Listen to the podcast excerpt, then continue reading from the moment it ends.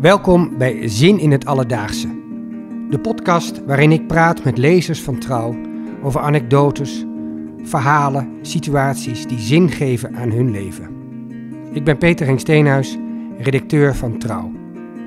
Vandaag praat ik met Wim Drost, voor wie schrijven levensreddend werd en nu zijn dagen doorbrengt met zijn hoofdpersoon Leo, die een kleine uitgeverij leidt.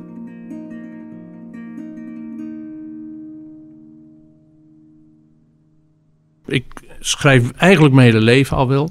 Uh, ooit begonnen als uh, schrijver van schoolboeken, wiskundeboeken. toen in, zelf in de uitgeverij beland en daar een hele tijd aan de andere kant van de tafel gezeten, aan de uitgeverskant. maar later weer opgepakt. In 2002, denk ik, een eerste roman geschreven over Eritrea. Naar aanleiding van een aantal bezoeken aan dat land. En dit voorjaar mijn tweede roman over de emigratieperiode na de Tweede Wereldoorlog.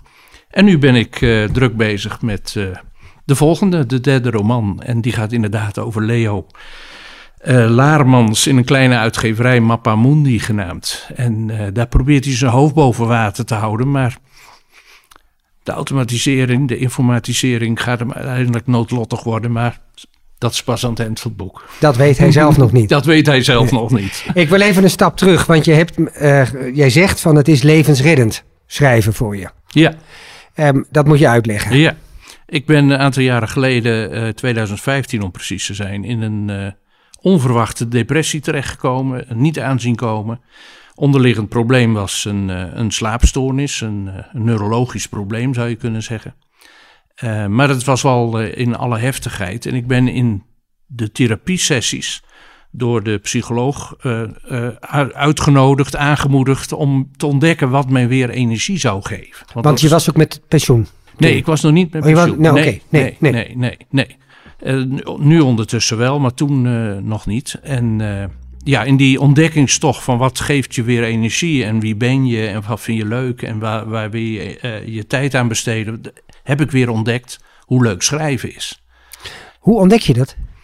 Nou ja, zo'n psychotherapeut die gaat met je uh, allerlei dingen langs waar je, waar je ja, wat, wat, wat in je hoofd omgaat. En um, een van de dingen is uh, van, nou ja, ben niet, ga nou niet de hele dag zitten piekeren over jezelf, maar ga kijken naar, ja, wat, waar krijg je iets voor terug? En in die vragensessies, en ik, kan, ik herinner me niet eens meer hoe het precies gelopen is, maar in die vragensessie kwam, uh, kwam aan de orde van, nou, als je toen daar zo plezier in had, is het een idee om.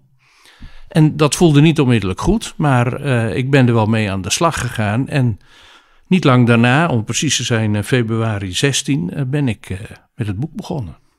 Maar dat doe je niet van de een op de andere dag. Of je, je wordt toch niet wakker en je denkt zo, nu ben ik uit mijn depressie, nu ga ik schrijven. Nee, nee, ik, ik was nog niet uit mijn depressie. Oké. Okay. Nee, het, het, het, het, is gaandeweg, dat is een beetje hand in hand gelopen. Ja. Um, uh, dus nee, je, je begint eens met dat je wat aantekeningen begint te maken. Zo van, uh, uh, waar zou het over moeten gaan?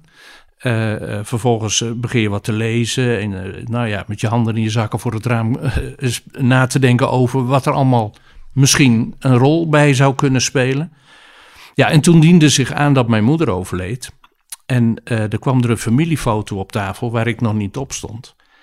En op die familiefoto stond iedereen, ouders en zes broers en zussen. En ik stelde de vraag aan mijn broers en zussen wat was nou precies de reden waarom die foto gemaakt is, namelijk de emigratie, en waarom ging het eigenlijk niet door? En toen uh, waren de verhalen niet eens luidend. En omdat Want heel even voor de duidelijkheid, je ouders zouden emigreren. Ja, die zouden, met, hele, met het hele gezin. Ja, die zouden een nieuwe start maken zoals zoveel in die tijd uh, in uh, Canada. Want praat over jaren 50? Ja, eind jaren 40, begin jaren 50. Okay, ja. ja. 1951 zou de vertrekdatum geweest zijn. Maar de verhalen waren niet eens luidend. Dus ik dacht, nou, dan ga ik dat eens uitzoeken. En toen kwamen die twee dingen min of meer bij elkaar. Dat ik dacht van, wat een mooie verhalen zitten daarin. En wat, wat, voor soort verhalen kwamen dan naar boven? Nou, als je, als je kijkt, de, de propaganda van de overheid. Bijvoorbeeld, dat is onwaarschijnlijk goed geoliede machine om mensen te bewegen het land uit te gaan. Dat is werkelijk ongekend. Dus we hebben het nu wel over nepnieuws en, en, en dat soort dingen. Nou, dat was toen echt. Je, je, moest wel heel sterk in je schoenen staan, wilde je het niet overwegen om weg te gaan. Oké. En dat het effectief was, bleek wel, want het NIPO werd opgericht, 48. En toen bleek een derde van de Nederlandse kostwiners te overwegen om te vertrekken. Een derde. Uiteindelijk is maar 5%, iets minder dan 5% gegaan. Dus heel wat spijt op tante. Maar mijn ouders behoren tot de categorie die uiteindelijk niet weg mochten. En uh, toen ik daar, dat op het spoor kwam, toen kreeg ik wel rode oortjes. Ik dacht van, verdikke me, wat is er aan de hand dan dat je niet mag? En nou, ik weet het niet voor 100% zeker, maar wel voor 95% zeker... Uh, dat mijn vader slechte referenties gehad heeft. Vanuit de kerk. En toen waren referenties niet boven tafel zoals nu. Hè? Okay. Als je solliciteert, dan moet je referenten opgeven. Die bel je als kandidaat, bel je je referent om te zeggen: mag je gebeld worden? Dat ging allemaal achter de ruggen om. Dus mijn ouders hebben dat nooit geweten. En uh, uh, ook nooit uh, iets van gehoord. En ja, het, het, het kan bijna niet anders dan dat dat de reden geweest is. Nou ja, als je rode oortjes krijgt bij, het, bij dat soort ontdekkingen, ja. ja. dan, dan is schrijven niet zo ver weg. Nee, en zeker nee, niet omdat ik daar min of meer naar op zoek was. Toen vond je dus een, een onderwerp. Ja. Werd het toen non-fictie of werd het fictie? Het begon met non-fictie. Uh, dat ik eerst maar eens aan het verzamelen sloeg. Maar toen kwam ik zulke mooie verhalen tegen dat ik dacht, ja, dat ga ik in non-fictie niet niet bij elkaar krijgen. Dat, dat, dat leek mij niet leuk. Ik zal je één voorbeeld geven. Uh, er was een mevrouw die naar Canada vertrok met haar gezin.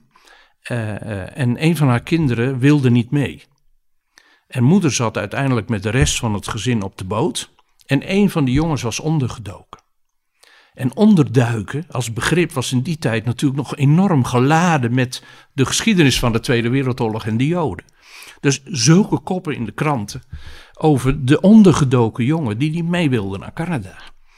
En uiteindelijk is die jongen zo lang ondergedoken gebleven dat het schip al vertrokken was. En uh, heeft hij uiteindelijk een plekje bij opa en oma gevonden. Maar daar hebben wekenlang de landelijke kranten mee volgestaan. Ja, dat zijn natuurlijk prachtige verhalen om de, de sfeer van die tijd en de, de, de manier waarop mensen uh, tegen, tegen de, de, de emigratie aankeken, om, om dat kleur te geven. Nou, toen ik dat, dat soort verhalen tegenkwam, dacht ik, nou nee, het, het gaat een roman worden. Waarin de hoofdpersonen best wel lijken op mijn ouders uiteraard, maar het niet zijn. Uh, ik heb de, de vrijheid genomen om het verhaal wat te verdichten uh, in de tijd. Maar ook door mensen op te voeren die dingen deden die in hele andere verhalen terugkwamen om een beetje boeiend verhaal te krijgen. Ja, en dat, uh, dat heeft met de bakfiets naar Canada opgeleverd. Mm -hmm. Maar dan ben ik, behalve het verhaal wat je nu vertelt, ook geïnteresseerd in hoe gaat het dan? Want langzamerhand voelde je, was, voelde je meer energie krijgen. Ja, ja ik voelde dat, dat, dat me bezighouden met zo'n verhaal, kruipen in het hoofd van degene die op dat moment, laten we zeggen, de ik-figuur is. Het is geen ik-roman, maar de hoofdpersoon. Um, uh, om, om, dat, dat, dat gaf mij rust. Dat, dat, dat, maakte dat ik niet meer in mijn eigen hoofd bezig was, zeg maar, maar in andermans hoofd. Ja, dan zeg ik wat heel ja, ja, zwart-wit, nee, maar, maar okay. um, uh, op, die, op, op die manier uh, kreeg ik rust, ja. En schrijven is natuurlijk best een intensief iets. En als je het een beetje opbrengt en je beleeft er plezier aan, dan kun je daar ook heel veel uren plezier aan beleven. En dat, nou, ik, ik, weet niet hoeveel honderd uren ik eraan besteed heb, maar dat, dat zijn vele honderden uren geweest. En heel langzamerhand is dat bij mijn genezingsproces uh, beslissend geworden. Vandaar, ja, want je noemt het echt beslissend. Ja, ja, ja, ja, ja, ja. ja. Nee, de, de, laat ik man een paard noemen, suicidaliteit is natuurlijk een van de meest dramatische kenmerken van een depressie. Ja, en, en toen ik daar door was, was ik wel ontzettend opgelucht dat, uh, dat, ja, dat die gekke spoken niet in je kop zitten. En daar heeft dat schrijven me wel naartoe getrokken, hè? naar een ander verhaal, een ander mansverhaal. Een verhaal waar ik de regie had. Hè? Dat ja. is ook wat, want als je uh, in een depressie komt, raak je alle regie over jezelf kwijt en al je eigen waarden enzovoort. Dus ik, ik kon dat in dat verhaal allemaal weer opbouwen. En nou ja, gaandeweg, uh, het boek vond ik het wel een beetje, beetje, beetje te, te somber. En toen heb ik Het hem- boek vond je te somber worden. Ja, het verhaal eh, eh, had te, veel mijn kleur. Dus Ja. ik heb eh, nog wat mensen opgevoerd eh, die, eh, die daar een beetje de tegenhanger in vormden. Waardoor ik eh, hoop, en dat krijg ik ook wel terug, dat het eh, daardoor wat, eh, wat, eh, wat makkelijker is, hè, wat minder somber. Maar eh, nee, eh, op die manier heb ik dus mijn- spoor weer gevonden. En, eh, en durf ik weer letterlijk naar buiten te kijken. Ja. Maar dan was het een ramp als het boek af was. nou, daar hadden we het over vorig jaar zomer. Toen waren we in Frankrijk op vakantie en toen had ik de kopij meegenomen in mijn laptop. En toen heb ik de laatste hand eraan gelegd. En dat was een heel raar gevoel, ja. Ja, emotioneel. Ja. Eh, eh, eh, ook wel opgelucht. Maar ook zo van, hmm, nou wel een gat. En nou, dat, ondertussen keek ik heel anders de wereld in en had ik dat minder nodig. En ik wist wel dat ik wel weer met een volgend boek zou beginnen. Maar dat was een, een, een, een, een, mooi en emotioneel moment. Ja, ik zie ons nog zitten op, met een glas wijn om het te vieren. Ja. Ja. En toen ehm, was dat klaar. Je depressie was overwonnen, zou je kunnen zeggen. Ja, Ehm, toch ben je opnieuw begonnen aan een volgend verhaal. ja. En je noemt ook dat zingevend. Ja, zeker, zeker. Ik, ik pak een ander element van mijn leven. Eh, eh, eh, ik ben meer dan 25 jaar directeur van een uitgeverij geweest. Dus ik weet eh, eh, als geen ander hoe het is om daar leiding aan te geven. En wat ik nu probeer in dat boek te ontdekken, en dat is dus een ontdekkingstaf weer in mezelf, hoe het begrip gunnen in elkaar zit. Want gunnen tussen mensen en tussen organisaties is bepalend voor of je met elkaar iets doet. Hè? Als je elkaar niks gunt, dan, dan hol je allemaal een, een andere kant op. Dat benoem ik in het boek allemaal niet zo expliciet, maar dat is voor mij de psychologische onderlegger. Waarbij ik alle dialogen al- eh, eh, probeer te plaatsen in. Maar wie, wie gunt nu wat aan wie? En, en, en waar gaat het mis? En, en, en, en, en eh, waarom lukt het maar niet om nieuw werk binnen te krijgen? En waarom zijn de mensen in dat kleine uitgeverijtje zo tegen de grote stappen in de automatisering? Wat, wat, wat drijft hun om de hakken in het zand te zetten? En dat is dus een, een, een zoektocht in mijn eigen geschiedenis. Eh, ik gaf leiding aan een bedrijf dat juist super ver eh, eh, met de automatisering was. Dus in die zin is de context anders. Maar het gaat wel om hoe je als mensen dat samen doet. Hè. Een bedrijf wordt natuurlijk altijd gemaakt door de mensen die er werken. Daar heb ik hele stomme dingen gedaan. Dan probeer ik nu nog eens wat te ontdekken van eh, waarom eh, is dat eigenlijk toen niet goed gelopen. En dat heeft ook met gunnen te maken. Zeker, altijd. Ja, uit, uit, uit- uiteindelijk is de relatie tussen mensen bepalend voor of je iets met elkaar kunt en wilt. En soms lukt dat wonderbaarlijk wel. En soms denk je, maar waarom lukt het nou? Vre- En waarom ga- ga- gaat die collega nou weg? In, in, in, die overwegingen eh, eh, eh, heb ik altijd mijn twijfels eh, gehad. En, en mijn eigen rol daarbij ook altijd wel ter discussie gesteld.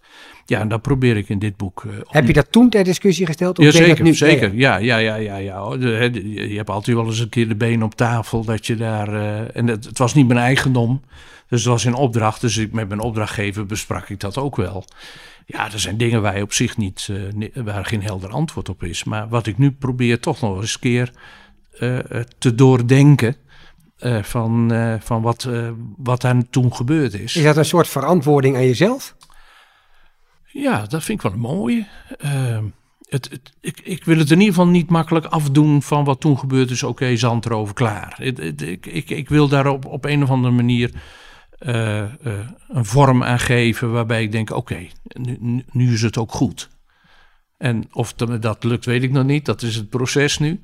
Maar ik ben al eh 170, 180 pagina's onderweg. Nou, nog meer denk ik. Nee, eh, ik, eh, met mijn aantekeningen erbij die ik nog uit moet werken, zit ik al over de 200. Dus ja, ik, ben- ik, ben, ik ben wel goed op, eh, op dreef. Ja. En dat, zoals je het beschrijft, is het ook zingevend om, om dat verleden verband te geven, zin Ja. te geven, betekenis te geven. Maar ook je huidige leven, denk ik. Zeker. Nou ja, als je met pensioen gaat, dan is de reflectie op van oké, dit is wel een hele grote, belangrijke stap die ik nu zet. En wat heeft werken voor me betekend en wat ga ik met de rest van mijn leven doen? Hè? Dus die, die vragen die, die probeer ik op deze manier in dat schrijfwerk ook een, een plekje te geven, zeker. Alhoewel de hoofdpersoon veel jonger is hoor. Ja? ja. Maar ik kan me ook voorstellen dat het ook gewoon een. Um, kijk, als je met pensioen bent, heb je ineens ontzettend veel tijd. Ja. Dat kan fijn zijn, maar het kan ook bedreigend zijn. Absoluut. Absoluut. En, en daarom zou ik dat schrijven op dit moment ook gewoon niet kunnen missen. Ik, ik vind het heel belangrijk om op die manier daarmee bezig te zijn, omdat ik uh, uh, dat ook wel zie als, als, als vulling. Ja. Maar wel op een buitengewoon aangename manier. Op mijn manier. Hè. Je kunt, ik zit vaker op deze plek of bovenaan mijn bureau. Maar lekker uitzicht. En uh, dat, dat zijn echt kostbare momenten. Ja, het is zeker vulling. Want uh, vrije tijd als je gepensioneerd bent, dat is wel een dingetje. Ja. Een dingetje in de zin van bedreiging. Nou ja, we wandelden uh, onlangs met vrienden en hij is ook net met, met pensioen. Hij zegt, ik heb me nooit voor kunnen stellen hoe het is. Maar daar klonk niet bij dat hij het makkelijk vond. Nee. Dus de, mensen staan niet in rijen op de stoep voor je als je met pensioen bent. Uh, of je nog iets wilt doen of zo. Uh, dus uh, ja, daar moet je wel vorm aan vinden. En als ik, ik ben de jongste in, in mijn gezin van zeven. als ik naar mijn broers en zussen kijk, dan hebben die allemaal wel een gang daarin gemaakt. de, de ene meer succesvol als de ander. En dat, ja, dat, dat is een, een belangrijke stap. Ja. Mijn vrouw werkt nog, die uh, uh, gaat met de zomer met pensioen. Dus dat is weer een nieuwe stap. Hè? Ja. Ik bedoel, uh, dan, dan ben je ineens samen de hele dag. En, ben je, en noem jij het ook werk als je nu weer aan het schrijven gaat? Nee. Ik ga aan het werk? Of nee? nee het nee, is... nee, nee. Als ik niet wil, doe ik het ook niet.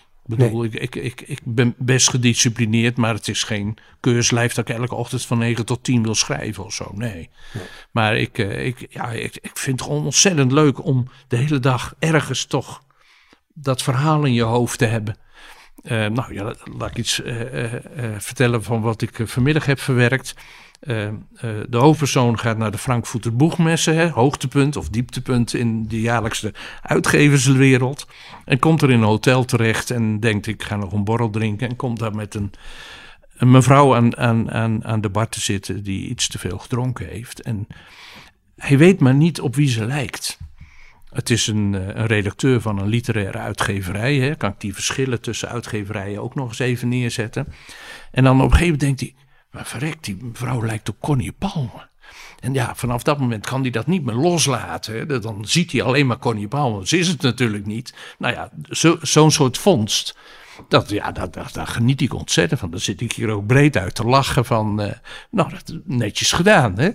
Dus het, het, het verhaal gaat overigens verder dat hij uh, s'avonds op bed al wel ontzettende spijt heeft dat hij uh, ook wat te veel gedronken heeft. Want ja, zo'n dag op de boegmes, ik weet niet of je er wel eens geweest bent, maar dat is gewoon doodvermoeiend. Uh, zoveel indrukken en zulke grote afstanden leg je aflopend. Uh, dat, nou, dan ga je, ga je niet echt voor je, voor je plezier naartoe. Dus de volgende dag heeft hij enorm spijt van. Maar dat gesprek aan de bar, dat heb ik vandaag dan afgemaakt. Ja, ja, En als je vrouw nou volgend jaar met pensioen gaat, ga je dan door of gaan jullie dan met z'n tweeën dingen doen? Of blijf je wel schrijven? Uh, nou, we, zeker met z'n tweeën dingen doen. Uh, uh, dingen die nu niet kunnen. Hè. Reizen bijvoorbeeld. We, we, reizen heel graag en hebben dat ook heel veel gedaan. dat zouden we zeker veel doen. We, we, zouden zeker ook meer dingen samen gaan doen. Maar ik zou wel blijven schrijven, ja. ja. ja. Want fictie is belangrijk voor je geworden als zingevende activiteit. Fictie, hè, zoals voor mijn vrouw, die zit op een koor. Dat zingen, dat is in zingevende zin, is schrijven dat voor mij. Ja, zeker, zeker, ja, ja. En dat doet ze, doet ze veel en graag, maar ook daarvoor geldt nu even niet. Nee, maar schrijven kun je gewoon door mee gaan. Ja, ja. Dat is het fijne. Nou. Ja, op elk willekeurig moment uh, bij wijze van spreken. Dankjewel voor het luisteren naar de podcast Zin in het Alledaagse. Tot de volgende keer. Abonneer je op de podcast, zodat je geen één aflevering hoeft te missen.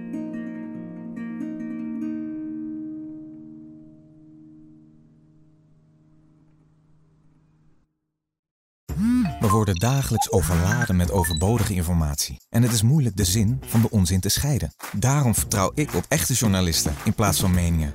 Een krantenmens heeft het gemakkelijk. Word ook een krantenmens en lees je favoriete krant nu tot wel zes weken gratis. Ga snel naar krant.nl. Bezorging stopt automatisch en op deze actie zijn actievoorwaarden van toepassing.